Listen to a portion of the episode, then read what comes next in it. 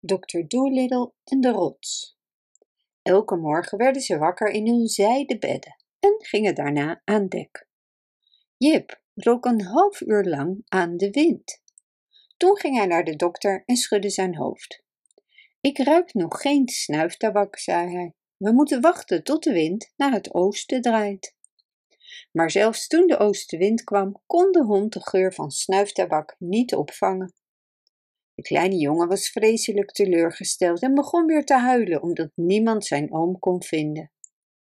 Maar het enige wat Jip tegen de dokter zei was: Zeg hem dat als de wind naar het westen draait, ik zijn oom zal vinden. Ook al is hij in China, tenminste zolang hij nog snuiftabak neemt. Op een vrijdagochtend vroeg kwam de westenwind. Een fijne regennevel lag als een dunne mist op zee en de wind was warm en nat. Zodra Jip wakker werd, rende hij naar boven en stak zijn neus in de lucht. Toen werd hij vreselijk opgewonden en haastte zich weer naar beneden om de dokter wakker te maken.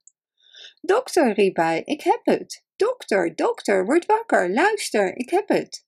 De wind komt uit het westen en ik ruik alleen maar snuiftabak. Kom naar boven en start het schip, snel.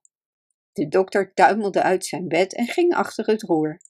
Ik ga voor op het schip staan en jij volgt mijn neus. De man kan niet ver weg zijn met een geur zo sterk als deze.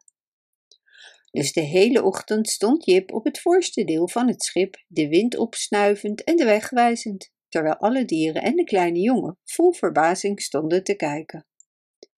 Rond lunchtijd vroeg Jip aan Dap om de dokter te vertellen dat hij zich zorgen begon te maken en hem wilde spreken. Dus Dap Dap ging de dokter halen aan de andere kant van het schip en Jip zei tegen hem: De oom van de jongen luidt honger. We moeten er zo snel mogelijk heen. Hoe weet je dat hij honger heeft? vroeg de dokter. Omdat ik alleen snuiftabak ruik, zei Jip. Als de man aan het koken was of iets at, dan zou ik dat ook ruiken. Hij heeft zelfs geen vers water om te drinken.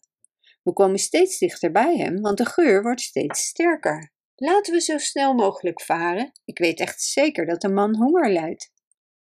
Goed, zei de dokter, en hij stuurde Dapdap erop uit om de zwaluwen te vragen het schip te trekken, net zoals ze hadden gedaan toen de piraten hen achtervolgden. De dappere zwaluwen kwamen naar beneden en trokken het schip weer voort. De boot ging nu met grote snelheid over de golven, zo snel dat de vissen opzij moesten springen om hun leven te redden. Alle dieren stonden opgewonden langs de reling en speurden rond naar de uitgehongerde man. Uur na uur ging voorbij en het schip raasde voort over de zee, maar nergens kwam land in zicht. De dieren waren nu stil, want ze begonnen zich zorgen te maken en de kleine jongen werd opnieuw verdrietig. En ook Jip was ongerust. Eindelijk laat in de middag, net toen de zon onderging, schrok iedereen op door het geroep van de uil Toetoe. Jip, Jip, ik zie in de verte een grote rots. Kijk, de zon schijnt erop als goud. Komt de geur daar vandaan? En Jip riep terug: Ja, daar is de man. Eindelijk, eindelijk. Toen ze dichterbij kwamen, zagen ze dat de rots erg groot en helemaal kaal was. Het leek op de rug van een schildpad. De dokter zeilde het schip om de rots heen, maar nergens was een man te zien. Er was geen levend wezen te zien, zelfs geen meeuw of zeester of zeebier. Iedereen was stil en spitste zijn oren, maar het enige geluid dat ze hoorden was het zachte kabbelen van de golven. En toen riepen ze allemaal: Hallo, hallo! Maar er klonk alleen een echo.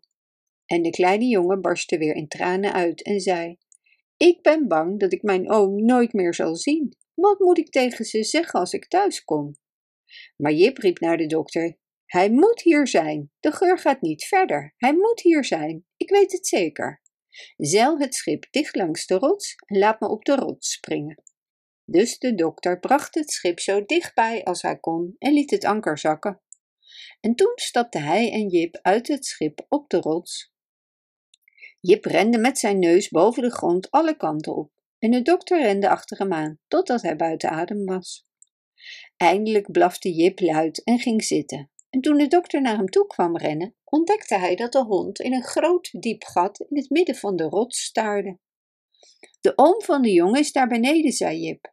Geen wonder dat die domme adelaars hem niet konden zien. Er is een hond voor nodig om een man te vinden. Het gat bleek een soort grot te zijn, die een heel eind onder de grond doorliep. De dokter deed een lucifer aan en baande zich een weg door de donkere gang, met Jip achter zich aan. En eindelijk kwam de dokter in een soort kamer, en daar, midden in de kamer, lag een man met rood haar, diep in slaap.